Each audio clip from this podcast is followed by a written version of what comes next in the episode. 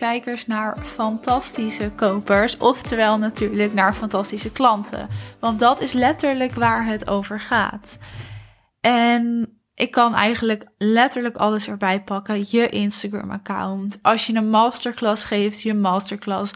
Je podcast, dan is het dus niet kijkers, maar luisteraars. Uh, weet ik veel. Als je video's maakt, alles kan. Van kijkers, van luisteraars, van lezers misschien naar fantastische kopers. Dat is wat je wil. Dat is waar je van droomt. Dat is waarom jij je content maakt. Je maakt je content niet voor de lol. En onthoud die zin maar even. Schrijf hem alsjeblieft ergens op. Content maken doe je niet voor de lol. Je doet het om er omzet uit te halen. Het is onderdeel van je bedrijf. En ondernemers zien het nog iets te vaak als iets losstaands. Dus als iets wat we erbij doen, wat even leuk is om erbij te doen, wat er gewoon bij hoort. Maar we zien helemaal niet de waarde ervan in. Maar ga maar even na. Jouw potentiële klanten, het enige wat zij van jou zien is jouw content, in welke vorm dan ook.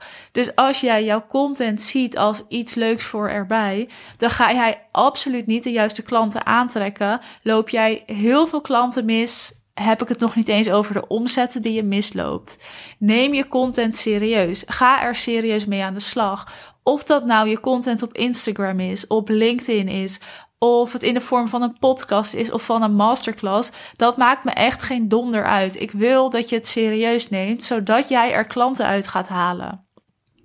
Schrijf het ergens op, onthoud het. Luister dit stuk nog een keer, misschien over een week nog een keer. Maar ik wil dit er echt instampen, want je loopt dus heel veel mis. En ik stamp dit er bij je in, omdat ik dit letterlijk voor mijn ogen zie gebeuren. En soms zie ik een account of luister ik een podcast en dan gaan mijn handen jeuken. Dat ik denk, oh, jij kan hier zo ontzettend veel uithalen.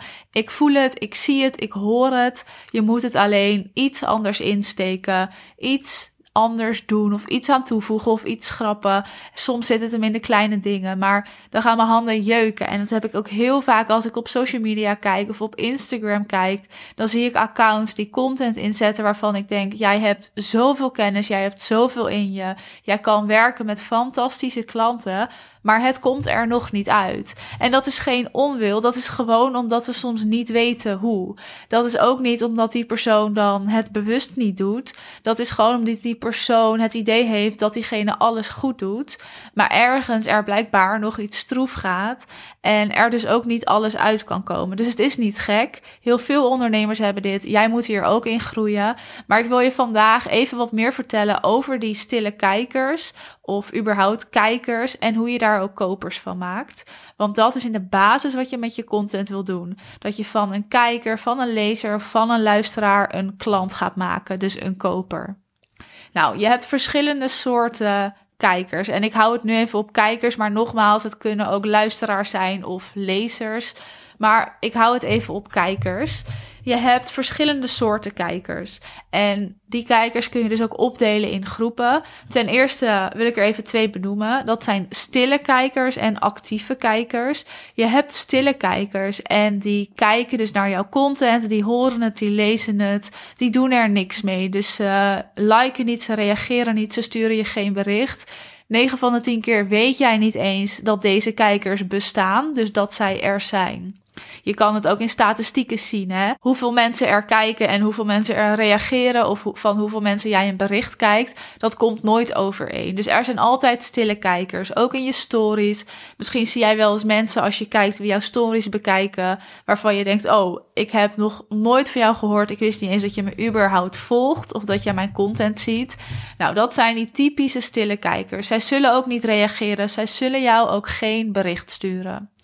Dan heb je de tweede groep, dat zijn actieve kijkers. Dat zijn de kijkers die dus wel reageren. Heel logisch, gewoon het tegenovergestelde van die stille kijkers. Dus zij reageren, zij liken, zij slaan misschien je post op.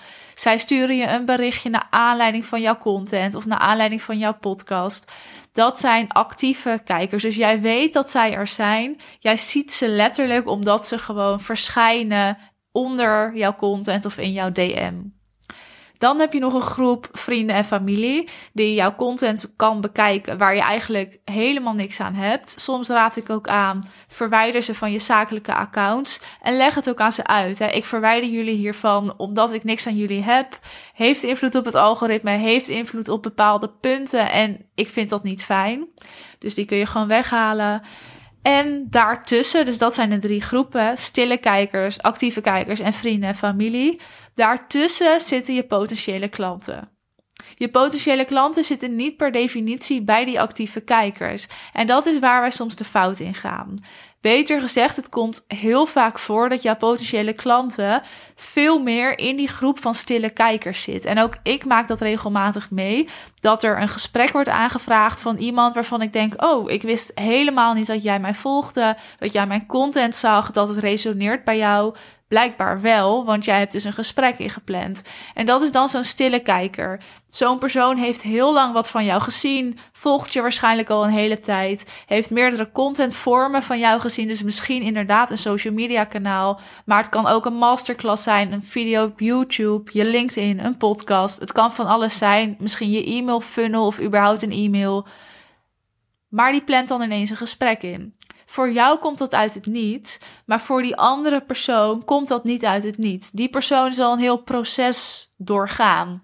Die heeft al een heel pad bewandeld voordat zij op die call-button hebben geklikt. Maar voor jou zijn dat stille kijkers. Er zijn natuurlijk ook potentiële klanten in de groep actieve kijkers. En die kun je er veel makkelijker uitvissen. Ik raad je ook aan om bij je actieve kijkers te gaan bekijken. Dus wie zijn dat? En waar zitten de potentiële klanten? Maak daar eens een lijst van. Zorg dat je die mensen ook meer aandacht geeft.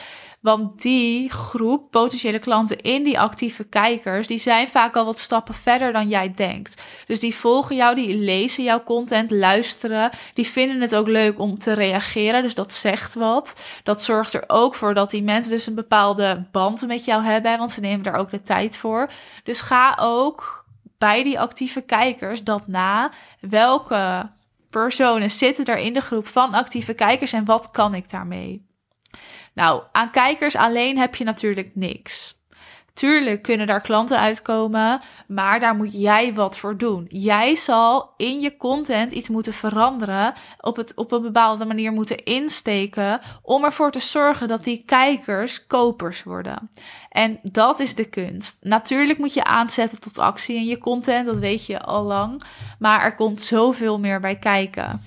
Wat ik dus als eerste wil, is dat je wel aanzet tot actie, maar niet alleen onderaan in je post. Ik wil niet dat je overal maar die call to action neerzet. Stuur me een DM, plan je call in. Die kennen we allemaal wel.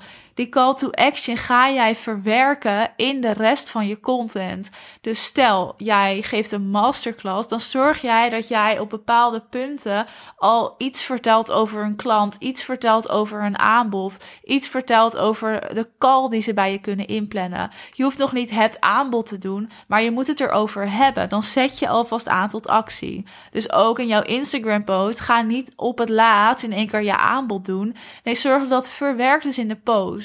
En dat het zo goed verwerkt is dat je dus onderaan eigenlijk ook niet meer die call to action hoeft te zetten, omdat die al verwerkt is in de post. Dat is een hele fijne manier van aanzetten tot actie. Ook iets unieker. Dit kun je ook dus heel goed verwerken in je e-mails. Dus ook daarin ga je het ertussen fietsen en niet pas op het eind de call to action zetten zoals we hem allemaal kennen. En hetzelfde geldt in je stories. Dan hebben we het natuurlijk weer over een stukje storytelling. Komt er iets meer bij kijken. Maar ik probeer even alle vormen van content er nu bij te pakken. En dus ook bijvoorbeeld op je website of salespagina's geldt dit. Zorg dat je sneller aanzet tot actie. Dat doe je dus ook met die specifieke woorden waar ik het in een andere aflevering over heb gehad. Maar dat doe je ook door actief te schrijven. En hier heb ik ook een aflevering over gemaakt. Je wil iemand direct aanspreken. Nou, naast dat moet alles gewoon resoneren. Of het nou stille of actieve kijkers zijn, jij wil er kopers van maken. En daarvoor zal jouw content moeten resoneren met de groep. En het enige hoe je dat voor elkaar krijgt, de enige manier daarvoor, is door die stille en actieve kijkers te kennen, weten wie het zijn, ze nou gewoon door en door te kennen. Eigenlijk is het niet lastiger dan dat. En nu hoor ik je misschien denken, nou Mies, dat is dus best wel lastig. Dat weet ik, daar zit hem ook natuurlijk de kunst in. Welke content past bij jou en jouw bedrijf? Resoneert dat met jouw doelgroep en hoe zet je daarin aan tot actie? Die vragen mag je jezelf gaan stellen. Schrijf het voor jezelf op, dan heb je meteen even een lekker actiepunt uit deze podcast. Dus nogmaals, Welke content past bij jou en jouw bedrijf en hoe resoneert dat met jouw doelgroep? Wat heeft jouw doelgroep daaraan? En hoe ga jij ervoor zorgen dat dat ook weer zorgt voor actie? Schrijf dat maar eens voor jezelf op. Nou, vervolgens wil ik toch nog even met je meegeven dat het natuurlijk niet zo is dat je na één post, nou stel ik zie het bijvoorbeeld wel bij mijn klanten, dat ze dan denken, nou, als ik nu met Michelle werk, dan uh, na drie posts heb ik in één keer tien nieuwe klanten erbij. Of na een nieuwe website of een sterkere salespagina of één goede masterclass. Nou moet ik zeggen dat in sommige gevallen dat het geval is. Bijvoorbeeld als we de masterclass echt optimaliseren tot een sterk contentstuk, hè, wat unieker maken, wat authentieker maken, dan kan dat inderdaad ook met een post zie ik echt regelmatig dat daar in één keer klanten uitkomen. Terwijl mensen denken, hoe dan? Ik ben net bezig. Maar soms heeft het ook even tijd nodig. Er is ook een andere kant van die medaille. En het is niet bij iedereen zo dat de doelgroep er meteen op reageert. Dus geef jezelf ook die tijd. Gun jezelf die tijd, maar ga ermee aan de slag. Neem het serieus. Want als jij het niet serieus gaat nemen, dan gaat jouw ideale klant jou ook niet serieus nemen. Ik wil nog één ding zeggen. Om van kijkers kopers te maken, wil je ook dat je zorgt dat je content zich verdiept in drie punten. En dat is allereerst dat jij je als rolmodel kan opstellen. Dus dat jij kan laten zien welk pad jij bewandeld hebt. Dat mensen tegen jou op kunnen kijken.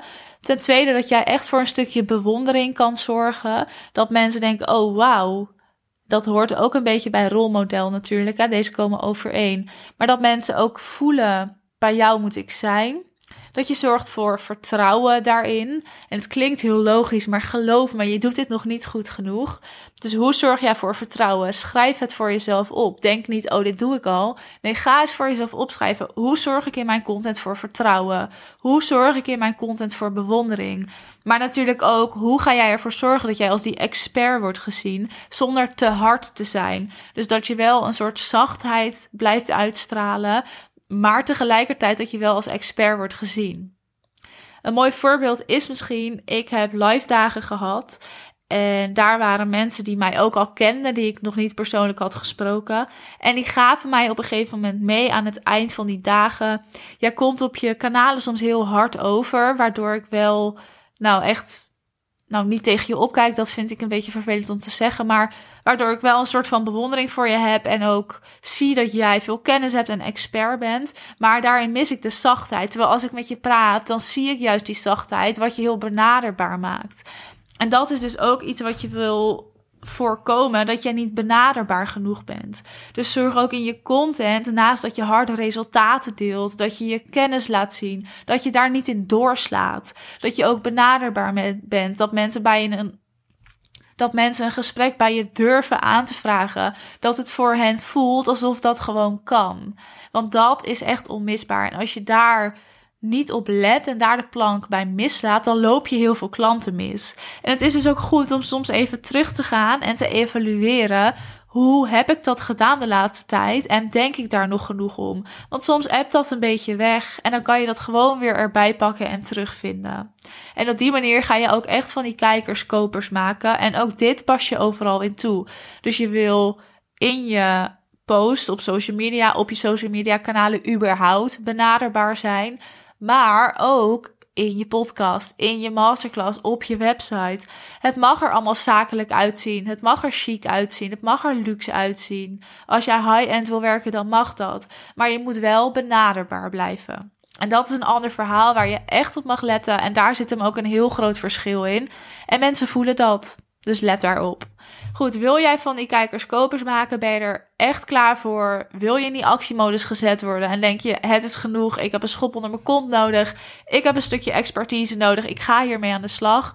Dan nodig ik je uit voor een call. Plan hem in via de link in de beschrijving. Het lijkt me ontzettend tof je te bespreken.